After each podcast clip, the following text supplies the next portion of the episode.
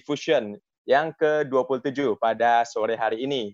Uh, baiklah, sebelum kita melanjutkan ke sesi diskusi kita, uh, akan ada beberapa aturan yang akan uh, saya sampaikan. Yang pertama, mikrofon smart people semua akan otomatis masuk pada mode mute. Kemudian bagi para smart people yang ingin bertanya atau menyampaikan pendapat, silahkan untuk chat terlebih dahulu melalui kolom chat dengan format nama underscore instansi atau nanti bisa juga raise hand um, apabila ada pertanyaan yang ingin ditanyakan. Kemudian um, smart people hanya boleh berbicara atau bertanya bila moderator mengizinkan pada sesi tertentu. Uh, jadi seperti itu. Terima kasih atas pengertiannya. Oke, okay, baik. Um, pada diffusion kita yang ke-27 kali pada sore hari ini, uh, tema yang dibawakan adalah new normal. Jadi seperti yang kita tahu ya, um, frasa new normal ini sering kali didiskusikan dan juga dibicarakan di tengah-tengah masyarakat akhir-akhir ini.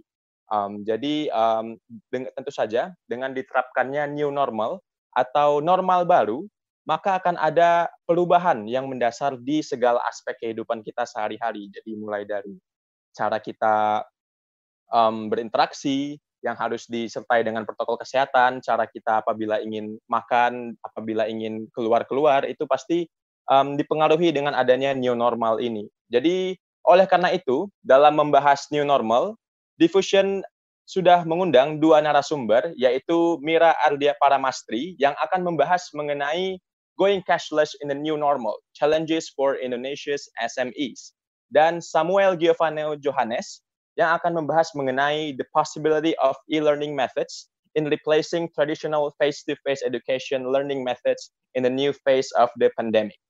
Um, jadi untuk Kak Mira dan juga Samuel, apa kabarnya? Baik, Kak Aldo. Wes, mantap sekali, Sam. Untuk Kak Mira, apa kabar? Baik, baik, baik. Baik. Oke, jadi um, kita tanya-tanya dulu ya. Uh, Kak Mira sekarang lagi ada apa nih Kak yang dikerjain? Ini apa ke dari kemarin ngurusin ini karena saya memang apa namanya ini juga pengalaman baru ya untuk saya melakukan uh, pemaparan materi secara online dan mungkin teman-teman juga kan apa karena hmm. kuliah online juga merupakan Betul. pengalaman baru untuk kalian jadi ini topik ini sangat relevan mungkin dekat dengan kehidupan kita sehari-hari sekarang ini jadi dengan kita melakukan ini juga sudah adaptasi ke new normal ya kak ya sebenarnya suatu bentuk transisi ya, tapi belum iya, beradaptasi betul, betul. saya kita. betul betul betul betul. Um, jadi um, untuk yang pertama ya, jadi sesi pertama kita akan dimulai oleh pemaparan materi oleh Kak Mira Ardia Paramastri. Jadi um, yang pertama itu kan uh, Kak Mira akan membahas mengenai going cashless in the new normal, challenges for Indonesia's SMEs. Jadi mungkin nanti yang akan dibahas dalam materi uh, Kak Mira adalah uh, seputar relevansi new normal dengan kondisi perekonomian Indonesia saat ini. Jadi mungkin uh, tentu saja Indonesia ekonominya sangat dipengaruhi sekali oleh uh, pandemi COVID-19 dan nanti akan dibahas lebih dalam lagi bagaimana new normal ini akan mempengaruhi kondisi perekonomian Indonesia saat ini. Kemudian juga akan dibahas mengenai go digital dan cashless sebagai solusi baru perekonomian Indonesia di tengah pandemi COVID-19. Kemudian um, juga ada beberapa hal lain yang akan dibahas yaitu perbedaan keadaan dan perilaku ekonomi sebelum pandemi saat semi lockdown atau PSBB dan juga saat new normal yang uh, akan diperkirakan seperti itu. Dan yang terakhir adalah beberapa hambatan-hambatan yang akan ditemui untuk go cashless dari perspektif konsumen dan juga UMKM atau SME seperti itu. Um, jadi untuk Kak Mira, dipersilahkan untuk memaparkan materinya yang pertama. Silahkan Kak. Halo semuanya, terima kasih Mas Aldo atas pengantarnya. Sebelum itu, saya Mira Ahdia Paramastri. Saya Research Assistant uh, di CFDS. Dan topik hari ini seperti, benar seperti yang Mas Aldo tadi katakan, yaitu mengenai going cashless in the new normal, challenges for Indonesia's SMEs, atau cashless di new normal, hambatan untuk UMKM di Indonesia. Jadi cashless di sini maksudnya adalah transaksi tanpa uang tunai. Lalu untuk new normal tujuannya di sini adalah untuk mempercepat penanganan penanganan COVID-19 dalam aspek kesehatan dan sosial ekonomi. Jadi kalau misalnya dulu PSBB itu fokusnya lebih ke penanganan dalam aspek kesehatan, sekarang yang dipertimbangkan juga aspek sosial dan ekonominya. Sebenarnya secara pribadi ya, mungkin ini juga dirasakan oleh teman-teman semua. Uh, topik ini berangkat dari kekhawatiran saya terhadap lingkungan saya beberapa hari ini. Jadi pertama, banyak yang mengeluh uh, mengenai kesulitan mendapat pekerjaan ada beberapa juga teman-teman saya yang uh, malah diberhentikan bekerja dan sulit juga untuk memenuhi kebutuhan mereka sehari-hari karena hal-hal tersebut. Banyak yang mengatakan bahwa mereka perlu untuk lebih uh, go digital atau menerapkan uh, transaksi cashless sebagai solusi usaha mereka. Tapi yang menjadi masalah di sini adalah banyak mungkin yang ingin untuk pergi digital, tapi tidak bisa karena banyaknya hambatan. Ada juga yang mungkin mereka bisa eh, melakukan eh, go digital tersebut dan juga bisa melakukan transaksi secara cashless, tapi eh, lebih memilih untuk tidak. Nah, nanti akan saya jelaskan lebih lanjut. Sebelumnya ini saya akan share screen dulu untuk materi saya. Jadi langsung saja.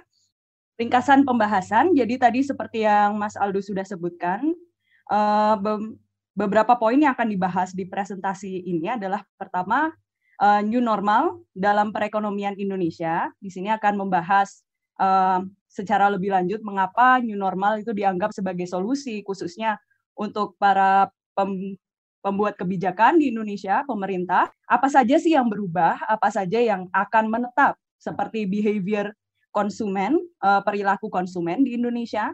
Lalu mengapa cashless? Mengapa go digital sebagai solusi uh, menurut mereka? Lalu yang utama dari uh, pembahasan kali ini adalah yang bab berikutnya mengenai hambatan untuk go cashless. Yang dari penelitian saya itu ada tiga faktor ya. Pertama mengenai digital divide, yang kedua mengenai possessing means to go cashless, dan yang ketiga trust. Nanti akan saya sampaikan uh, di slide-slide berikutnya. Di sini mungkin teman-teman dari tugas-tugas kuliah atau dari browsing di internet ya sudah sering melihat berita bahwa uh, Indonesia GDP annual growth rate atau pen, ada uh, penurunan signifikan terhadap uh, pertumbuhan atau growth rate produk domestik bruto di Indonesia. Yang di sini kita bisa melihat 2, menjadi 2,97 persen. Tanpa melihat uh, statistik ini pula, mungkin teman-teman sudah merasakan sendiri ya bahwa sudah terjadi perubahan dari perekonomian uh, di Indonesia, terutama di lingkungan kita sendiri. Seperti tadi yang sudah saya katakan, banyak yang mengeluhkan mengenai pekerjaan mereka yang mungkin tidak bisa dibawa ke rumah, ada pula yang mengeluhkan akses internet dan lain-lain yang berdampak buruk di kepada usaha-usaha mereka. Jadi tanpa melihat statistik ini juga kita sebagai rakyat Indonesia mungkin sudah pernah merasakan, sudah merasakan hingga saat ini mungkin uh, pengaruh COVID-19 ya ke perekonomian Indonesia. Dan di satu sisi, jumlah uh, kasus COVID-19 di Indonesia itu terus bertambah. Yang terdata oleh uh, WHO atau World Health Organization di sini kita bisa melihat bahwa ada 40.400 kasus sejak pandemi dimulai dan 2.134 kematian di Indonesia. Di sini kita bisa melihat grafiknya mengalami peningkatan dari bulan Maret sampai dengan bulan Juni. Dan berdasarkan data uh, update terakhir ya 18 Juni 2020 ini dari website covid19.go.id bertambah lagi menjadi 42.762 kasus, yaitu bertambah sekitar 1.331 kasus ya di Indonesia. Jadi di sini kita juga bisa melihat beberapa contoh ya uh, beberapa pekerjaan tidak bisa dilakukan melalui metode work from home seperti supir, pekerja pabrik, kontraktor, petani dan lain sebagainya. Uh, di sini kita lihat bisa lihat beberapa kasus PHK ataupun komentar uh, para pegawai bank swasta mengenai bagaimana mereka tetap harus masuk ya bahkan pada masa PSBB kemarin. Jadi normal baru di sini uh, dipandang oleh banyak pengambil keputusan sebagai solusi untuk memecahkan masalah ekonomi yang dibawa oleh pandemi COVID-19. Ini berlaku terutama untuk uh, Indonesia yang mengalami tadi pukulan berat selama pandemi ya. Pada awal pandemi mungkin kita semua masyarakat atau kebanyakan masyarakat banyak yang mendukung diberlakukannya kebijakan semi lockdown atau PSBB. Namun uh, seiring uh, berjalannya waktu sentimen ini diamati semakin berkurang ya. Akhir pandemi itu tadi dilihat dari jumlahnya, uh, jumlah kasus itu semakin meningkat. Jadi akhir dari pandemi ini belum jelas. Dan ini menimbulkan kecemasan di masyarakat Indonesia. Dan dengan meningkatnya kecemasan akan masa depan kesejahteraan ekonomi ini, beberapa telah memutuskan untuk mungkin tidak mempedulikan protokol kesehatan yang berlaku dan uh, ini membuat implementasi kebijakan semi lockdown tidak efektif di Indonesia. Lalu ditambah juga ya faktor seperti ingin berinteraksi sosial. Mungkin teman-teman juga merasakan kan lama di kamar, uh, online lecture terus, mungkin kangen sama teman-teman gitu kan. Ini juga ditambah faktor sosial mungkin yang tidak tahan untuk ingin melakukan lagi interaksi sosial secara fisik sama teman-temannya dan juga faktor-faktor budaya ini menambah kasus pengabaian protokol. Mungkin uh, ini untuk sebagian orang tidak bisa menjadi justifikasi pelanggaran uh, protokol kesehatan ya, tapi kenyataan yang terjadi adalah seperti itu. Dan berdasarkan berbagai keprihatinan ini, kekhawatiran ini, pemerintah Indonesia telah memutuskan untuk memperlakukan apa yang disebut sebagai normal baru atau new normal. Jadi uh, tadi kita sudah membahas bahwa the, walaupun sudah ada istilah work from home, tidak semua bisa mengakses, uh, tidak bisa semua tidak bisa melakukan uh, work from home ya, tidak semuanya. Dan tadi juga kita sudah melihat beberapa contoh keluhan uh, dari beberapa usaha, dari beberapa pegawai kantoran ya, uh, dan juga fakta-fakta uh, bahwa tidak semua pekerjaan di Indonesia itu bisa di work from home. Lalu uh, di sini kita melanjutkan lagi ke pembahasan mengapa new normal. Jadi uh, tim pakar gugus tugas percepatan penanganan COVID-19 menyatakan bahwa new normal itu adalah kondisi yang nanti memungkinkan dilakukannya aktivitas normal selama pandemi COVID-19 dengan tambahan protokol kesehatan untuk mencegah penyebaran virus sampai nantinya vaksin ditemukan. Jadi di sini yang ditonjolkan adalah bukan hanya aktivitas normal, tapi new normal di sini adalah di mana masih ada pembatasan-pembatasan uh, tertentu yang berkaitan dengan protokol kesehatan. Dan di sini juga meng-highlight bahwa uh, bukan lagi faktor kesehatan saja yang dipikirkan, tapi sosial dan ekonomi juga dipikirkan.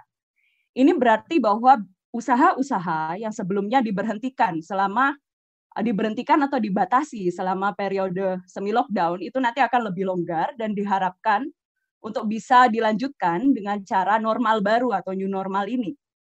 Namun yang jadi pertanyaan, seberapa sukseskah metode itu dalam membantu bisnis di Indonesia, khususnya untuk UMKM lokal? Banyak sebenarnya artikel, termasuk artikel saya belum lama ini, itu telah membahas go digital sebagai solusi berikut dengan challenges atau resiko-resikonya. Tapi ada hal lain yang juga patut dipertimbangkan, terutama untuk para pembuat kebijakan atau decision makers uh, yang percaya bahwa cashless atau go digital juga merupakan solusi bagi perekonomian Indonesia. Nah, yang menjadi pertanyaan itu adalah bagaimana caranya membuat orang Indonesia berhasil melakukan transisi ke transaksi cashless.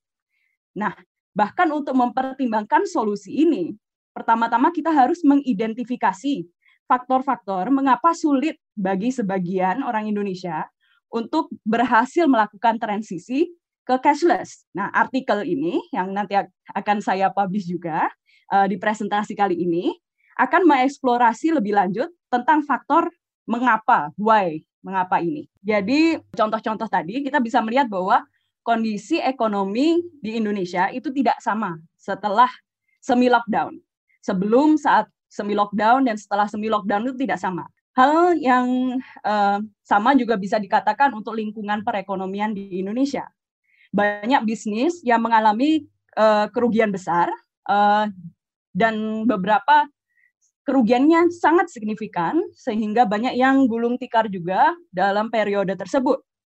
Perilaku konsumen di sini juga telah berubah cukup drastis uh, selama semi lockdown dan statistik telah menunjukkan bahwa tren untuk transaksi digital tanpa uang tunai itu sudah cukup meningkat ya di Indonesia. Uh, Go digital dan cashless di sini itu dinilai sebagai solusi yang keuntungannya mungkin salah satunya adalah mempermudah ya, convenience dan juga higienis.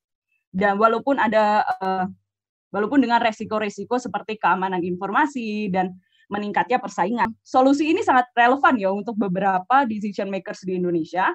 Melihat populasi di Indonesia itu uh, 272,1 juta dan 175,4 juta adalah pengguna internet. Dan ini uh, menunjukkan pertambahan uh, tren yang positif ya, bertambah 17 persen, yaitu 25 juta dari tahun sebelumnya. Di sini kita bisa melihat digital growth indicatornya, lalu aktivitas e-commerce di Indonesia. Jadi memang sebelumnya tren go digital dan cashless di Indonesia ini sudah cukup positif. Tapi masih ada persentase signifikan yang belum terlibat dalam tren ini. Jadi kenapa sih tidak semuanya? Padahal uh, manfaatnya tadi seperti convenience dan juga tentang hygiene ya. Memang benar bahwa normal baru atau new normal itu juga telah memberikan uh, dorongan atau bahkan paksaan untuk beberapa usaha supaya mereka lebih digital dan cashless. Tapi dan beberapa perubahan dalam perilaku ini juga mungkin permanen ya. Misalnya konsumen sekarang sudah lebih sering mengakses layanan-layanan cashless, layanan-layanan digital dan uh, ini mereka terpapar dengan kenyamanan transaksi tanpa uang dan mungkin ini akan bertahan bahkan nanti setelah uh, new normal benar-benar diberlakukan atau bahkan setelah uh, new, new normal nanti kembali normal ya.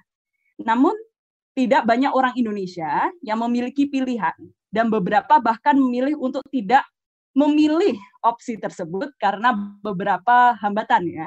Ini penting mengidentifikasi tantangan-tantangan ini uh, bukan hanya untuk membantu transisi Indonesia menjadi cashless, tapi juga untuk membantu pembuat kebijakan dalam memutuskan cara terbaik untuk menyusun strategi supaya Indonesia dapat lebih lancar uh, bertransisi uh, ke cashless. Kalau mereka memang benar-benar memikirkan cashless adalah salah satu uh, solusi utama untuk menyelamatkan perekonomian Indonesia yang saat ini terpuruk.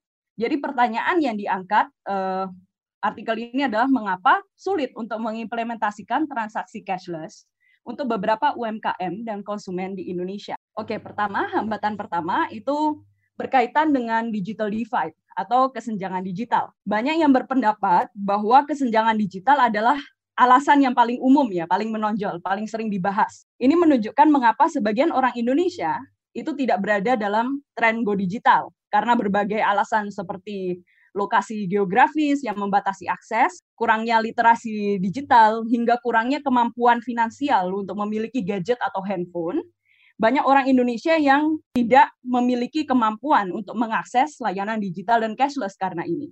Memang benar bahwa tren telah menunjukkan penggunaan internet dan perangkat uh, seperti HP yang meningkat setiap tahun, namun presentasi yang tidak juga tidak sedikit dan harus dipertimbangkan jika cashless dianggap sebagai solusi dalam masa pandemi ini. Bagi sebagian konsumen, pergi cashless uh, untuk go cashless atau bahkan memiliki ponsel adalah suatu kemewahan ya yang tidak dapat mereka bayangkan. Ada juga masalah yang berkaitan dengan kesulitan jaringan untuk mengakses internet yang membuat mereka sulit untuk bahkan mempertimbangkan penggunaan internet apalagi uh, memikirkan untuk membiasakan diri dengan uh, perilaku cashless sebagai hal normal baru dalam kehidupan mereka. Jadi uh, kita lanjut ke hambatan yang kedua. Walaupun mereka memiliki akses ke layanan digital, tapi ada juga masalah yang berkaitan dengan possessing means to go cashless. Di sini mungkin mereka sudah punya HP, tapi mereka masih tidak memiliki akses untuk uh, meng menerapkan uh, atau mendapatkan layanan go cashless dari segi konsumen ya. Ini terkait dengan masalah mengakses dan memiliki sarana cashless tersebut seperti memiliki kartu bank seperti debit, kredit dan lain sebagainya yang memerlukan um, mungkin memerlukan tabungan atau penghasilan minimum. Ini sebenarnya persyaratan yang cukup sering ditemukan apabila kita ingin memiliki kartu bank ya. Mungkin terlihat sederhana bagi sebagian orang, terutama mereka yang berasal dari kalangan menengah ke atas, uh, yang kurang lebih memiliki penghasilan yang memadai, bahkan untuk mempertimbangkan uh, untuk mempertimbangkan menabung ya. Tapi tidak semua rakyat Indonesia berasal dari kelas menengah ke atas. Untuk banyak kelas menengah ke bawah di Indonesia, opsi tersebut mungkin tidak ada atau sulit ditemukan. Di Indonesia masih banyak yang menghasilkan uang di bawah standar pendapatan minimum daerah mereka. Ini berarti bahwa sebagian besar persentase ini memiliki sedikit atau tidak ada sama sekali jumlah pendapatan yang cukup untuk dipikirkan sebagai uh, dijadikan sebagai tabungan. Uang yang mereka peroleh hari itu dengan cepat dihabiskan untuk memenuhi kebutuhan sehari-hari mereka.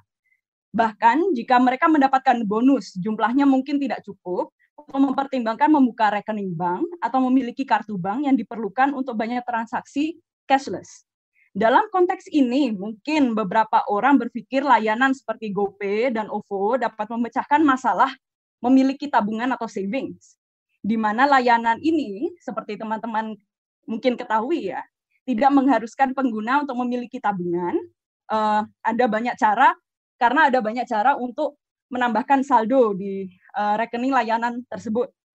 Namun di sisi lain masih ada biaya uh, yang harus dikeluarkan untuk menggunakan layanan mereka, biaya tambahan yang mungkin tidak murah untuk sebagian orang Indonesia.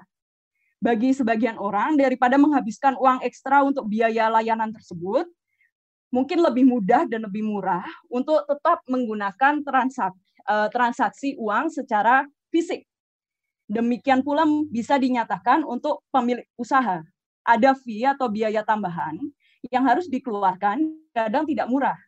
Biaya misalnya untuk menyiapkan sarana untuk transaksi online seperti membuat situs web dan memasukkan atau memenuhi perjanjian terkait dengan penyedia layanan uh, jasa cashless tersebut. Ini mungkin dianggap oleh beberapa bisnis sebagai resiko yang tidak seberapa untuk investasi jangka panjang usaha mereka namun uh, mungkin ke, keperluan untuk mengeluarkan jumlah uang tambahan, uang ekstra untuk memulai uh, transaksi cashless, mungkin tidak menarik bagi beberapa bisnis ya, terutama apabila mereka masih memiliki opsi untuk melakukan usaha mereka melalui transaksi tunai. Namun dalam konteks normal baru, kita memasukkan konteks new normal di sini, banyak usaha mungkin terpaksa melampaui zona nyaman tersebut dan beberapa mungkin tidak punya pilihan selain terjun uh, menggunakan transaksi cashless dan go digital, bahkan dengan resiko kerugian karena meningkat persaingan. Masih penting untuk mempertimbangkan kekhawatiran mereka di sini tentang cara bagaimana mereka bisa mengamankan uang tunai dalam uh, aspek ini untuk memastikan transisi yang lebih lancar menuju transaksi cashless.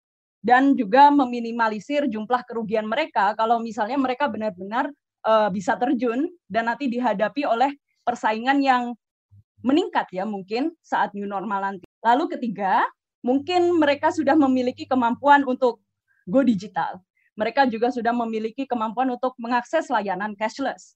Tapi ada satu permasalahan lain yang mungkin menghambat mereka memilih untuk go cashless. Ini berkaitan dengan kepercayaan dari perspektif konsumen ini tidak hanya terkait dengan kepercayaan yang mereka miliki untuk bisnis atau produk tertentu, tapi juga berkaitan dengan kepercayaan yang mereka miliki untuk teknologi itu sendiri. Sebagai contoh, banyak eh, konsumen di Indonesia, termasuk nenek saya sendiri, meskipun memesan produk ya secara online tuh menggunakan HP online dan mereka minta produk tersebut, barang tersebut dikirimkan ke rumah mereka, masih pada akhirnya mereka membayar menggunakan uang tunai ketika produknya tiba di rumah mereka. Beberapa orang mungkin berpikir ini lucu ya, mengapa tidak memilih cara yang lebih nyaman, lebih mudah, yaitu cashless ketika memesan produk mereka secara online. Namun inilah kenyataannya, banyak orang Indonesia masih skeptis tentang jaminan untuk produk yang dipesan daripada menghadapi risiko kekecewaan dan kehilangan konsumen lebih memilih untuk mengamankan produk mereka terlebih dahulu dan membayarnya secara tunai nanti. Kekhawatiran serupa dapat dikatakan untuk para pemilik usaha. Konsumen mungkin ingin mengamankan produk terlebih dahulu. Di sisi lain, pemilik usaha mungkin ingin mengamankan pembayaran mereka dahulu. Mengapa harus menghadapi resiko kehilangan produk dan pendapatan dari pembayaran yang akan dilakukan belakangan? Mengapa mereka harus mengambil resiko kehilangan pelanggan dari ketidakpuasan dan ketidakpercayaan atas pembayaran online ketika mereka berdua bisa melakukan transaksi tersebut secara fisik yang mungkin lebih terpercaya dan adil melalui uang tunai. Nah, tapi kan lagi konteks normal baru. Kepedulian dan preferensi konsumen ini mungkin uh, tidak uh, sesignifikan uh, dengan faktor mungkin yang dialami oleh usaha karena uh, UMKM sekarang sudah uh, mungkin merasakan paksaan ya karena trennya semakin meningkat untuk uh, konsumen melakukan uh, go digital dan cashless mereka merasa bahwa untuk bisa bukan lagi untuk mempermudah usaha mereka tapi untuk survive dalam konteks COVID-19 mereka perlu untuk go digital. Jadi mungkin pilihan untuk uh, mempercaya atau tidak mempercayai itu mungkin lebih uh, ada di dari perspektif konsumen daripada perspektif usaha yang mungkin tidak memiliki banyak pilihan. Tapi UMKM juga masih harus mem memikirkan ya minat masyarakat yang um, lebih memilih untuk melakukan transaksi secara tunai. Jadi di sini UMKM harus mempertimbangkan transaksi fisik juga. Jadi mungkin nanti saat new normal mereka bisa mempertimbangkan kombinasi antara go digital cashless dan juga transaksi tunai masih dalam uh, konteks COVID-19 uh, mematuhi protokol kesehatan juga. Jadi secara keseluruhan ada beberapa kesimpulan yang dapat dari uh, diskusi ini.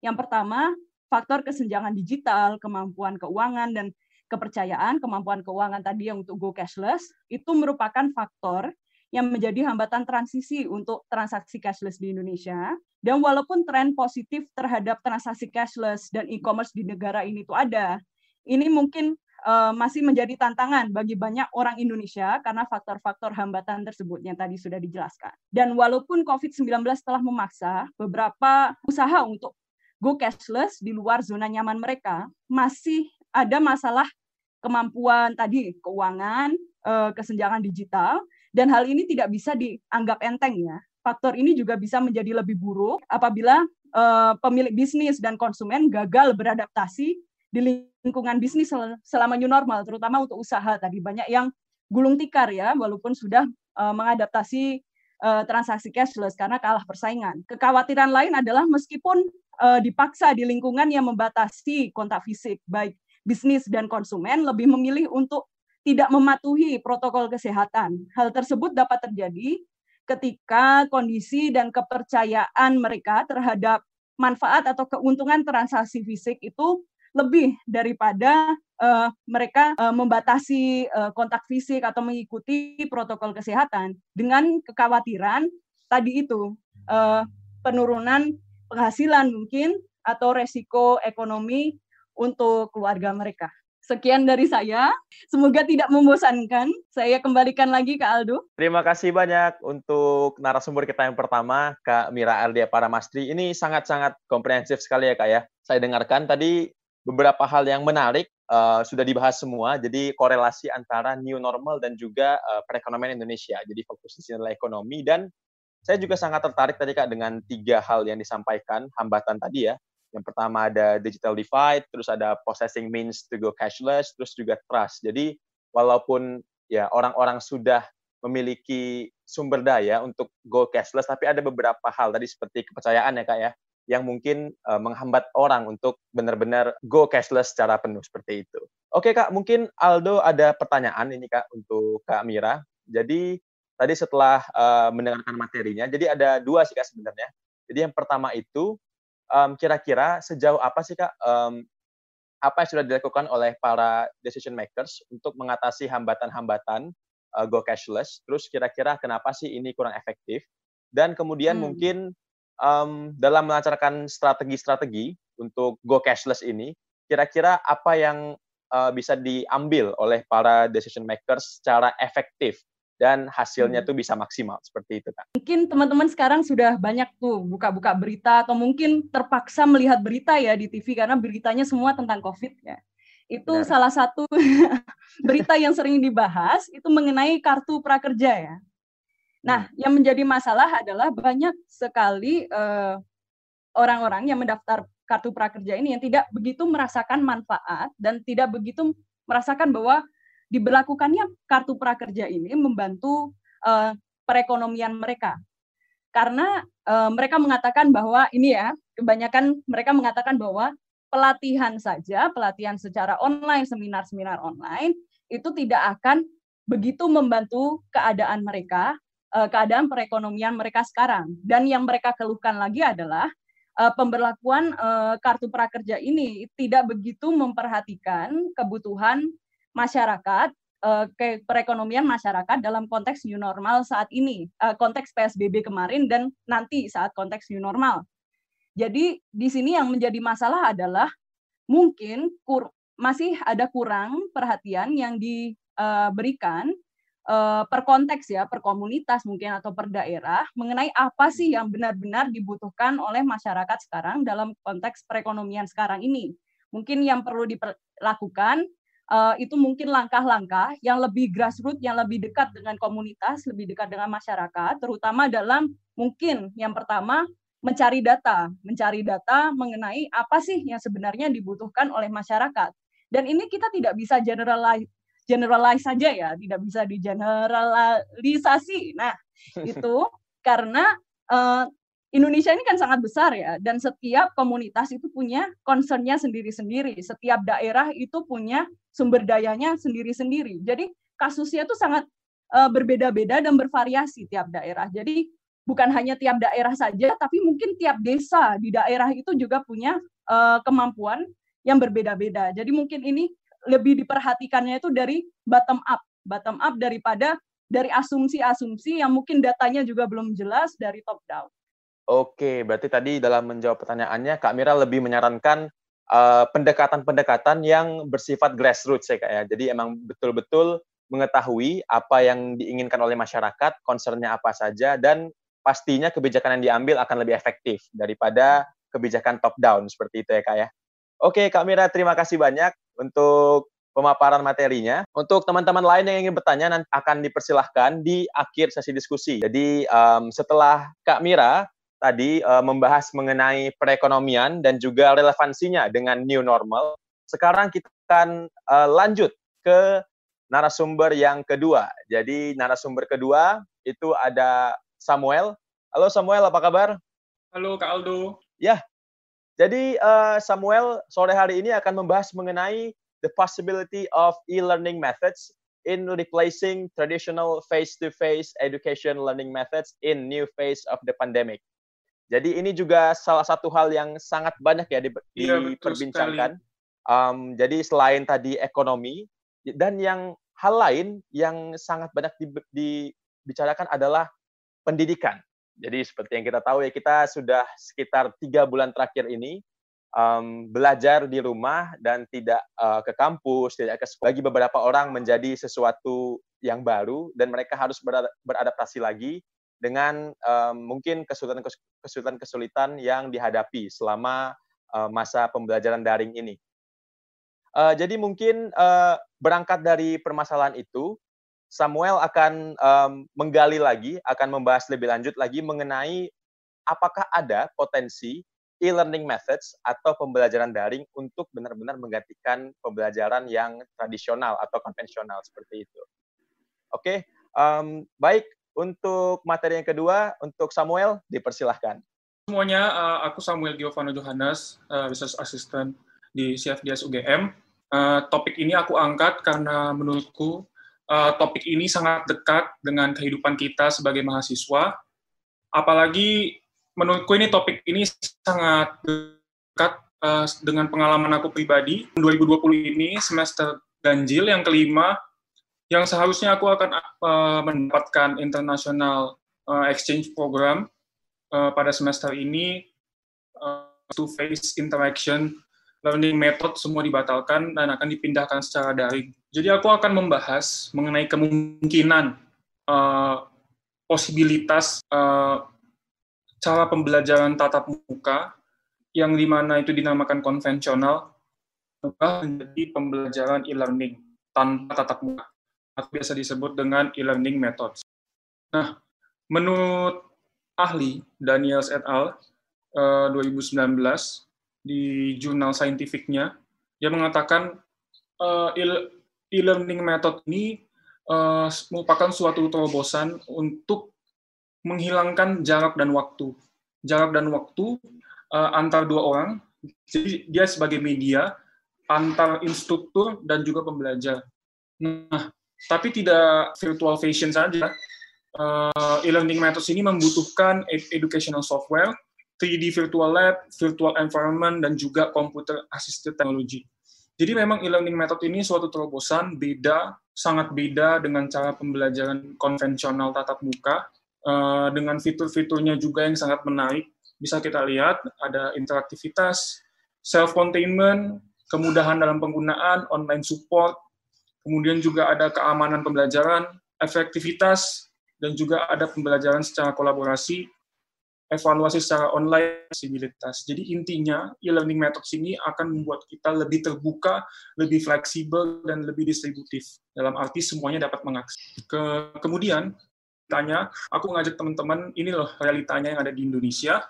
Uh, dasar, dasar kita melaksanakan itu uh, surat edaran Kementerian Pendidikan dan Kebudayaan nomor 4 tahun 2020, di mana uh, menghimbau universitas, sekolah, dan semua tempat pembelajaran untuk melakukan pembelajaran secara e-learning. Dan juga dan juga ini bukan tanpa masalah.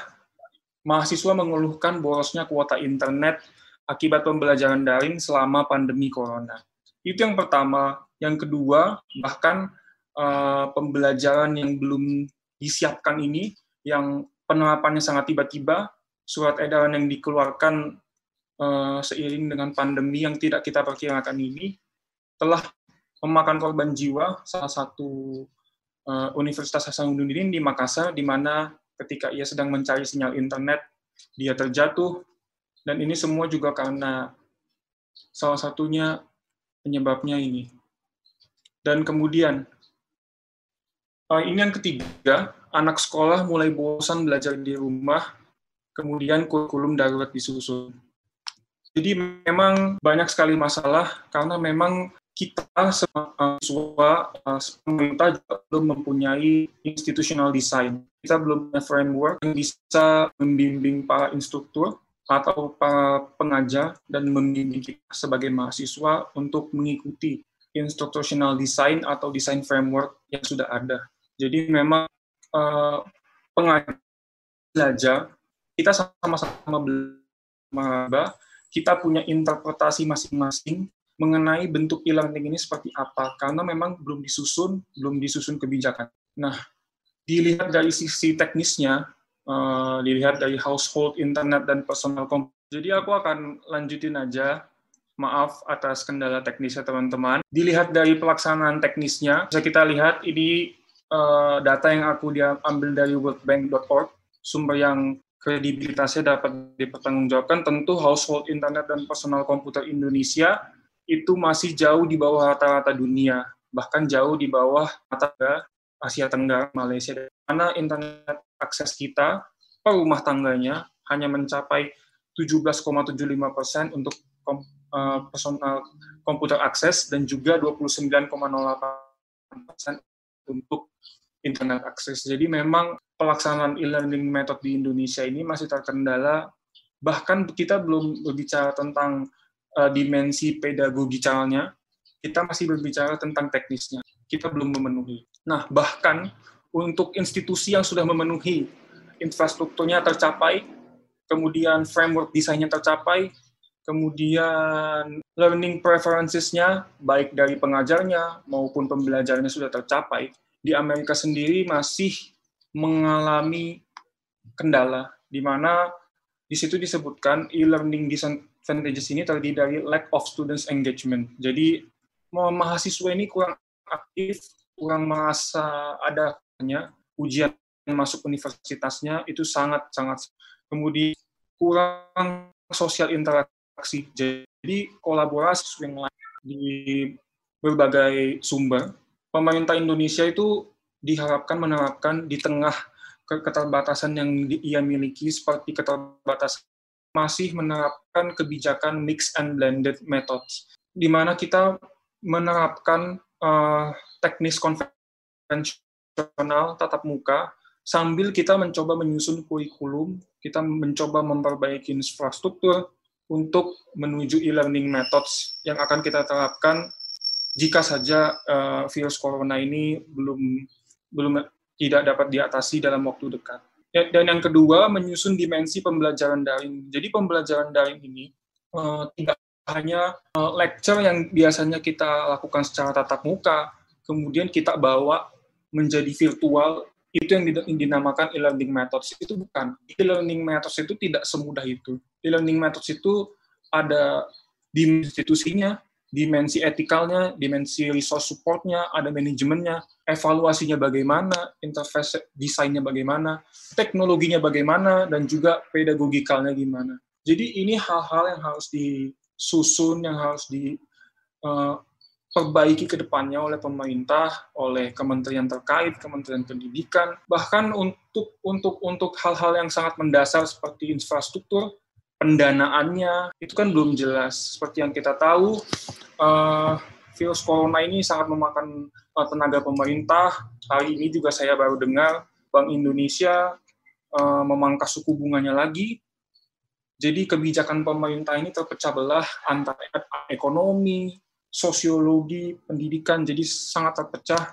Jadi posisi penulis, saya sebagai penulis pada hari ini jelas e-learning methods belum bisa diterapkan di Indonesia dan kita mengharapkan pemerintah untuk mengembangkan infrastruktur pendanaan dan juga institusinya dalam hal ini pendidikan yang melaksanakan untuk lebih lagi mempersiapkan framework desain yang tepat, yang jelas untuk pelaksanaan e-learning methods di Indonesia. Jadi uh, itu penjelasan dari aku, Kak Aldo.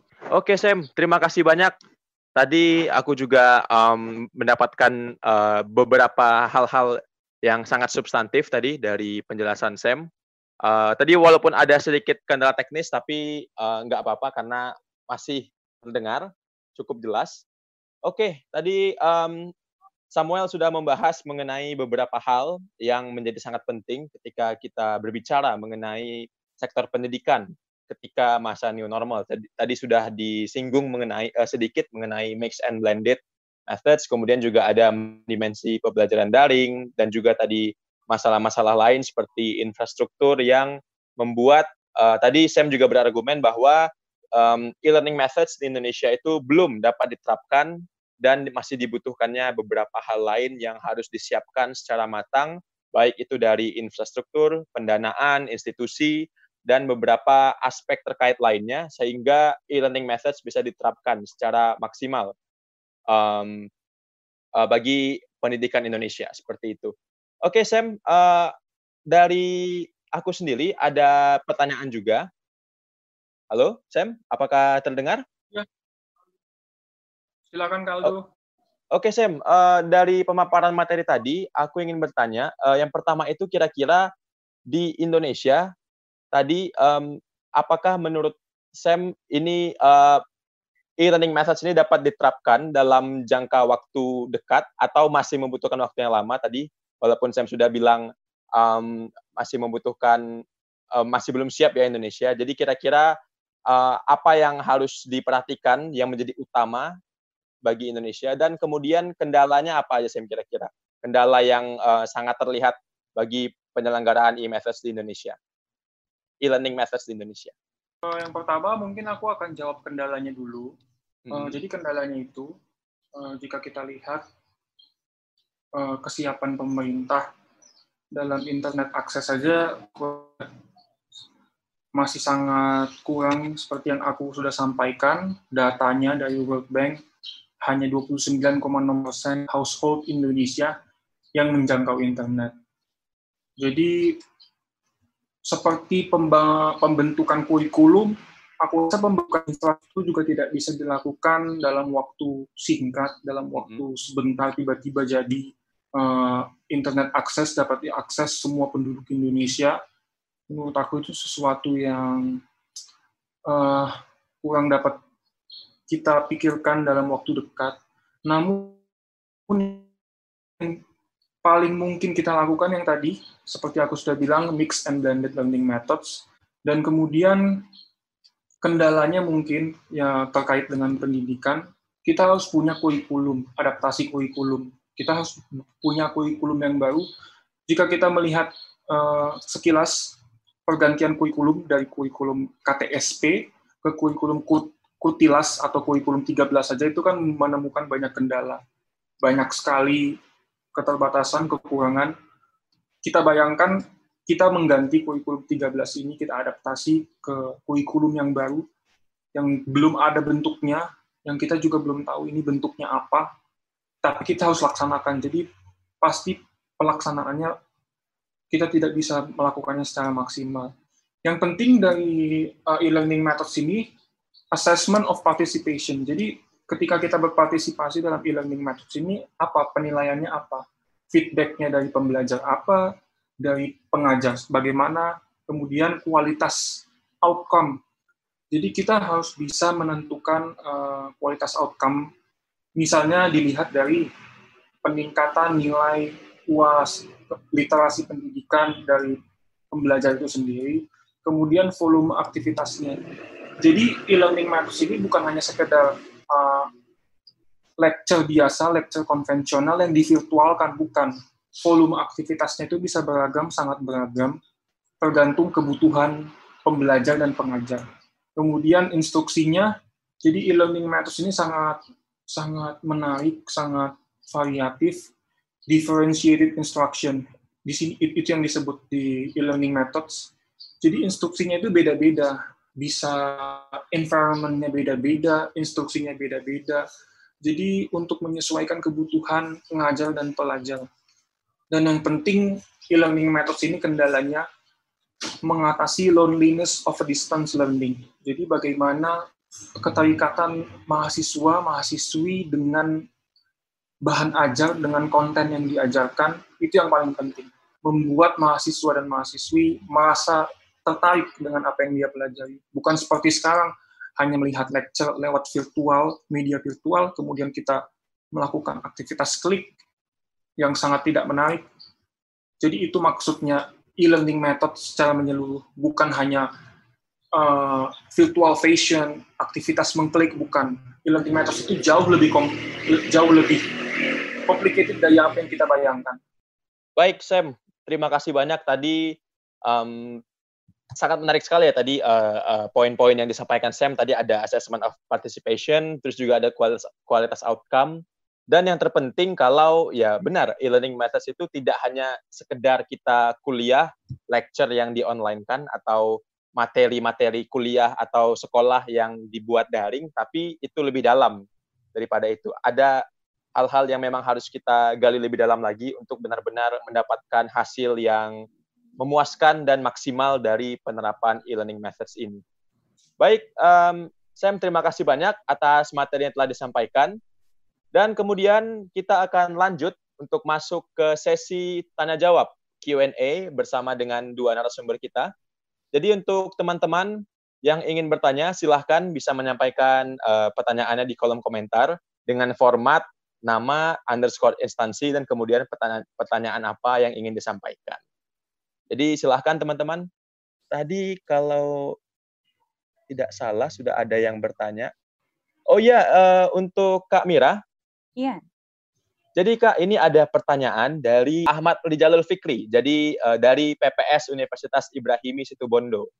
Jadi Kak, uh, pertanyaannya, sesuai topik menyangkut new normal, kayaknya masih related banget jika pun saya mention film yang film yang lagi hits berjudul Kerja prakerja dikerjain. Nah, terus ke pertanyaan saya, gimana tuh perspektif Kak Mira sendiri melihat fenomena ini? Spesifik yang saya highlight di sini adalah tentang konten pelatihan dalam program Kartu Prakerja. Di situ kan jelas banget adanya kesenjangan literasi digital. Lalu, nggak sekedar tanggapan, lebih jauh seperti apa solusi real yang mungkin dapat Kak Mira tawarkan untuk problem ini. Terima kasih, Kak. Hmm. Oh iya. Jadi menyangkut kartu prakerja kak seperti itu. Silahkan okay. kamera untuk jawabannya. Okay. Mungkin kalau solusi real ya tadi seperti yang ini pertanyaannya agak mirip sama pertanyaannya Aldo tadi ya, yang mengenai uh, apa saja sih yang sudah dilakukan dan apa yang uh, perlu dilakukan secara lebih ya. Kalau di sini mungkin solusi real itu uh, yang sekarang dalam titik ini mungkin bisa diimplementasikan uh, oleh bukan hanya pemerintah, tapi mungkin juga oleh komunitas-komunitas. Uh, yang pertama mungkin dengan melibatkan komunitas-komunitas uh, masyarakat lokal mengenai identifikasi kebutuhan mereka itu apa, apa saja kesulitan dan hambatan yang mereka uh, dapati berkaitan dengan uh, kesenjangan digital, bisa juga tentang tadi masalah untuk go digital, masalah untuk go cashless, itu permasalahannya apa saja. Dan mungkin uh, kartu prakerja itu mungkin pelatihan ini memang uh, ada manfaat mungkin, tapi uh, perlu ada tindakan lebih dari sekedar memberikan pelatihan. Ini dari perspektif saya pribadi. Itu mungkin dibutuhkannya perdampingan per komunitas ya, melibatkan uh, uh, grassroots communities, mungkin bisa juga per desa ya. Di sini uh, bisa dikatakan bahwa pemerintah mungkin perlu mengidentifikasi, mengidentifikasi masalah uh, dengan lebih komprehensif dan lebih uh, lokal ya, lebih lokal daripada mengeneralisir permasalahan yang ada di Indonesia karena setiap komunitas itu punya permasalahan unik tersendiri mulai dari uh, mungkin letak geografis mereka, budaya mereka, uh, kebutuhan sosial mereka, dan keadaan perekonomian mereka yang berkaitan dengan sumber daya lokal di sana. Jadi mungkin solusi real itu pertama yang perlu dilakukan adalah mengidentifikasi masalah ini dulu, mencari dulu data permasalahannya. Lalu dari uh, komunitas juga, ini yang sering saya perhatikan ya. Mungkin dalam konteks bencana lain, ini kan bencana bisa dikatakan bencana ekonomi ya. Tapi mungkin kalau uh, mengenai penanggulangan bencana yang lain itu ada satu tren yang uh, menonjol itu adalah saat uh, komunitas, saat masyarakat lokal itu uh, mereka meng mengambil inisiatif. Karena mereka yang paling tahu lingkungan mereka itu kemungkinan penanggulangan bencana tersebut it, untuk sukses itu lebih tinggi daripada menunggu langkah-langkah dari pemerintah apalagi pemerintah pusat ya. Jangankan pemerintah jangankan pemerintah pusat pemerintah daerah saja mungkin sulit ya.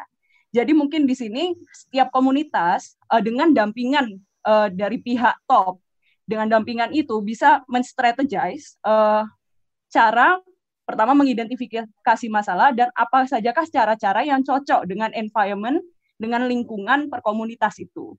Mengapa perkomunitas? Karena kalau kita melihatnya dari komunitas itu langkah-langkah uh, yang diambil itu bisa menjadi uh, lebih komprehensif dan lebih relevan dan dekat dengan masyarakat di situ. Karena lagi-lagi setiap komunitas itu ada kebutuhan dan kendala masing-masing.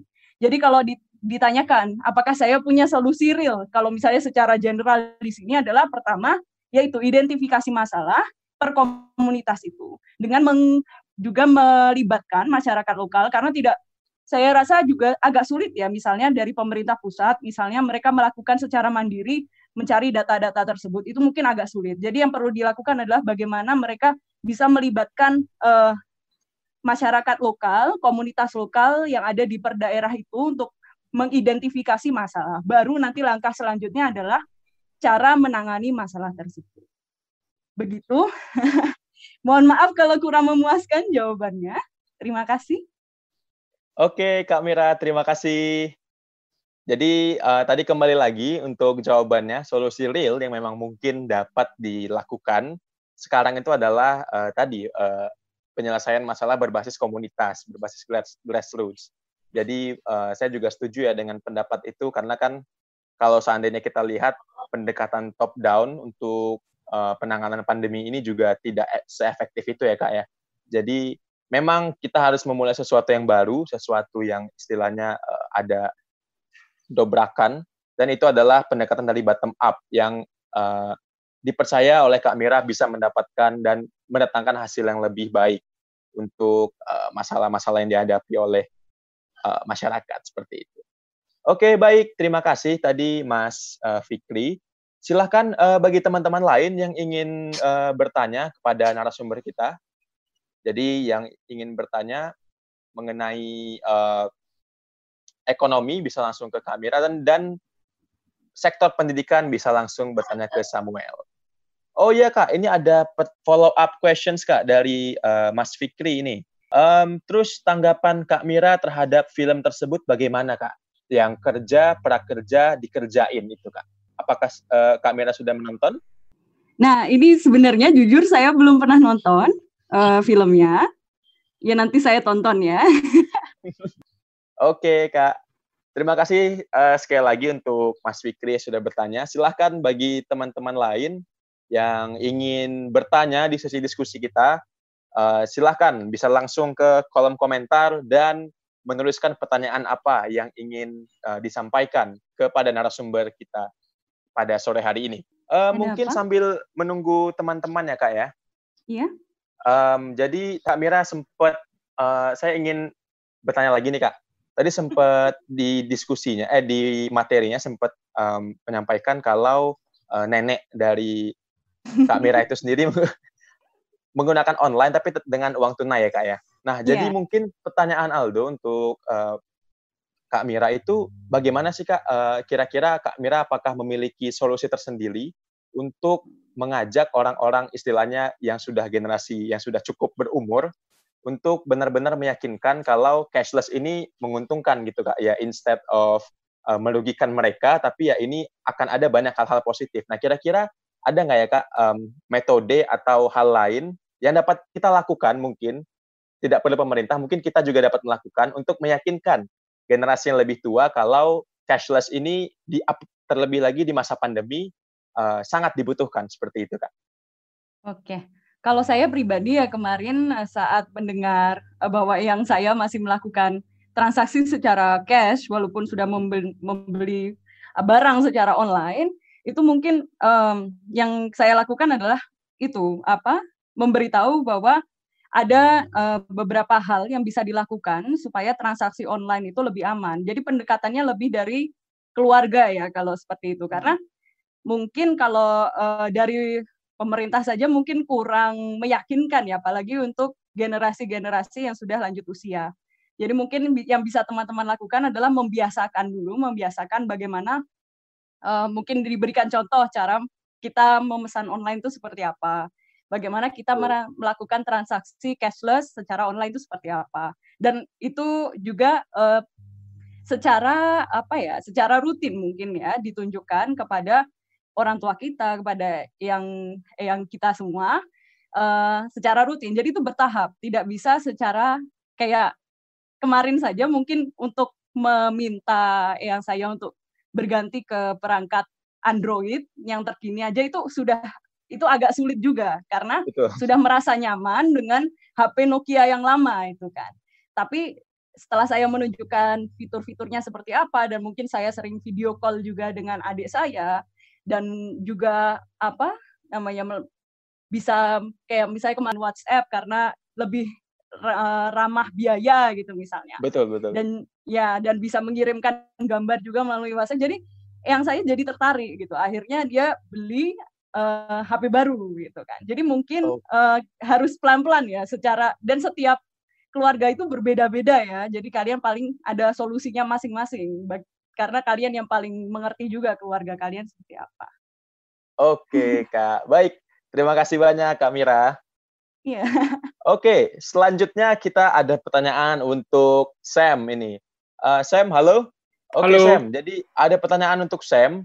Uh, jadi yang per, uh, sampai kapan kira-kira kita bisa bertahan belajar dengan uh, e-learning ini? Jadi sampai kapan kita kira-kira bertahan dengan pembelajaran daring apakah ada batasannya dan bagaimana dampaknya? Jadi kalau ditanya kira eh, kira-kira bertahan berapa lama, uh, sebenarnya kita termasuk beruntung karena pelaksanaannya ini terpotong libur uh, libur semester ya. Jadi kan mungkin pelaksanaan e-learning ini kita mulai dari Maret, April, Mei, Mei kemudian Juni kita sudah libur semester. Jadi baru tiga bulan saja sudah menimbulkan carut marut yang sangat misalnya sudah memakan korban jiwa, mengakibatkan eh, mahasiswa dan mahasiswi eh, merasa diberatkan dengan kuota internet, pulsa internet, yang mungkin ada beberapa universitas yang bisa subsidi, namun kan tidak semua universitas ya yang bisa subsidi mahasiswa dan mahasiswinya dengan pulsa dan kuota internet.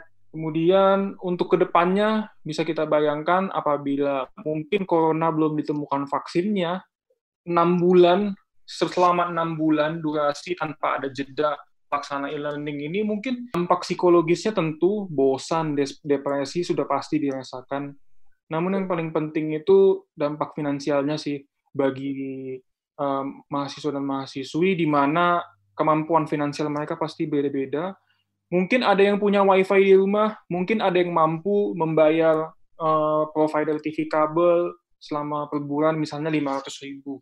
Mereka akan mendapatkan unlimited internet, wifi di rumah. Tapi kan banyak juga household Indonesia kalangan menengah ke bawah internet akses jangankan internet akses, mungkin mereka tidak punya laptop, mereka tidak punya hardware untuk uh, sebagai media untuk melaksanakan e-learning method ini.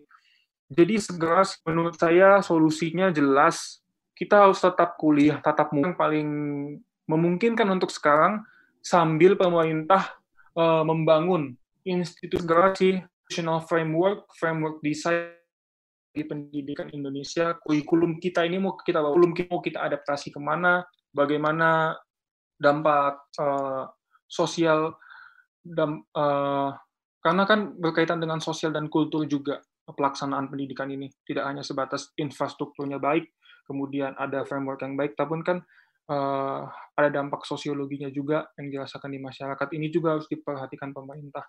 Jadi berapa lama tidak bertahan lama menurut pendapatku? Oke Oke Sam, uh, setuju juga tadi dengan jawabannya Sam ya karena um, kita baru tiga bulan aja ini udah um, merasa sangat bosan, terus ada yang stres, depresi, apalagi mungkin untuk semester depan masih tetap full online dan mungkin bagaimana Apakah saya bisa melihat misal 5 sampai 10 ke depan orang-orang lebih banyak pakai kartu dan wallet daripada cash? Uh, berdasarkan tren uh, beberapa akhir beberapa tahun dari tahun ke tahun ya itu trennya positif. Jadi saya bisa mengatakan mungkin berdasarkan tren ini lebih banyak yang akan menggunakan kartu dan wallet. Apalagi sekarang sudah banyak yang menggencarkan juga uh, memotivasi me, memotivasi masyarakat untuk lebih menggunakan transaksi uh, secara digital secara cashless. Apalagi belum lama ini juga banyak uh, partnership ya partnership dari beberapa uh, perusahaan tertentu yang menggandeng perusahaan internasional untuk supaya uh, transaksi cashless ini juga bisa dilakukan uh, dari lokal ke internasional. Misalnya kemarin GoPay dan PayPal ya kalau tidak salah. GoPay dan PayPal ya. Jadi saya melihat sih cukup positif ya penggunaan e-wallet dan juga penggunaan cashless di Indonesia ke depannya itu cukup potensial, sangat potensial sangat potensial berarti ya Kak. Oke, baik. Terima kasih Kak Mira. Untuk Mbak Putri, semoga uh, tadi menjawab pertanyaan dari Mbak Putri. Kalau uh, melihat tren sekarang yang uh, transaksi cashless itu terus meningkat, jadi mungkin ada kemungkinan bahwa uh, e-wallet dan juga hal-hal uh, lain yang berbau cashless itu akan tetap meningkat dan menjadi tren pada 5-10 tahun ke depan seperti itu. Oke, juga Samuel, sepertinya kita sudah uh, mencapai penghujung acara. Ini mungkin untuk menutup nih Kak. Kira-kira dari Samuel dan Kak Mira, closing sentence mengenai materi hari ini. Mungkin satu atau dua kalimat saja Kak. Seperti itu. Hmm. Dari Kak Mira dulu mungkin. Aduh, closing sentence ya. Uh, jadi mungkin sebelum kita memberlakukan solusi, ada baiknya hmm. kita melihat dulu mengidentifikasi permasalahan tersebut secara komprehensif karena data itu tidak boleh boleh terlalu digeneralisir karena uh, implementasi solusi itu bergantung dengan bergantung dari identifikasi masalah terlebih dahulu. Lalu kelibatan uh, keterlibatan masyarakat lokal dan komunitas lokal itu sangat penting uh, supaya implementasi ini lebih uh, pengidentifikasian masalah dan implementasi dari solusi tersebut itu lebih efektif. Ya. Baik, Kamira, terima kasih. Untuk Samuel, closing sentence mengenai uh, diffusion sore hari ini. Silahkan. Uh, jadi kesimpulannya, e-learning methods itu bukan kuliah konvensional yang divirtualkan. E-learning methods ini uh, memiliki potensial yang sangat besar apabila pemerintah memiliki infrastruktur, memiliki uh, di, desain kurikulum yang bisa mengeksplor tidak hanya pengajar namun pembelajarnya untuk lebih lagi lebih terkait satu dengan yang lain, lebih lagi terikat dalam konten yang diajarkan, lebih terikat lagi dengan media yang dipakai.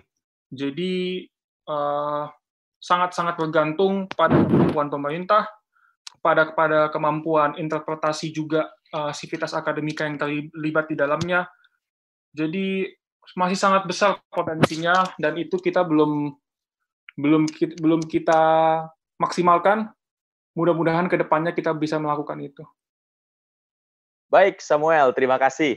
Jadi uh, kalau dari saya sendiri sebagai kesimpulan tadi kita sudah membahas uh, new normal di dua aspek penting di Indonesia. Yang pertama dari ekonomi uh, dan kemungkinan cashless yang telah dibicarakan oleh Kak Mira dan juga e-learning methods sebagai metode baru untuk pendidikan di Indonesia.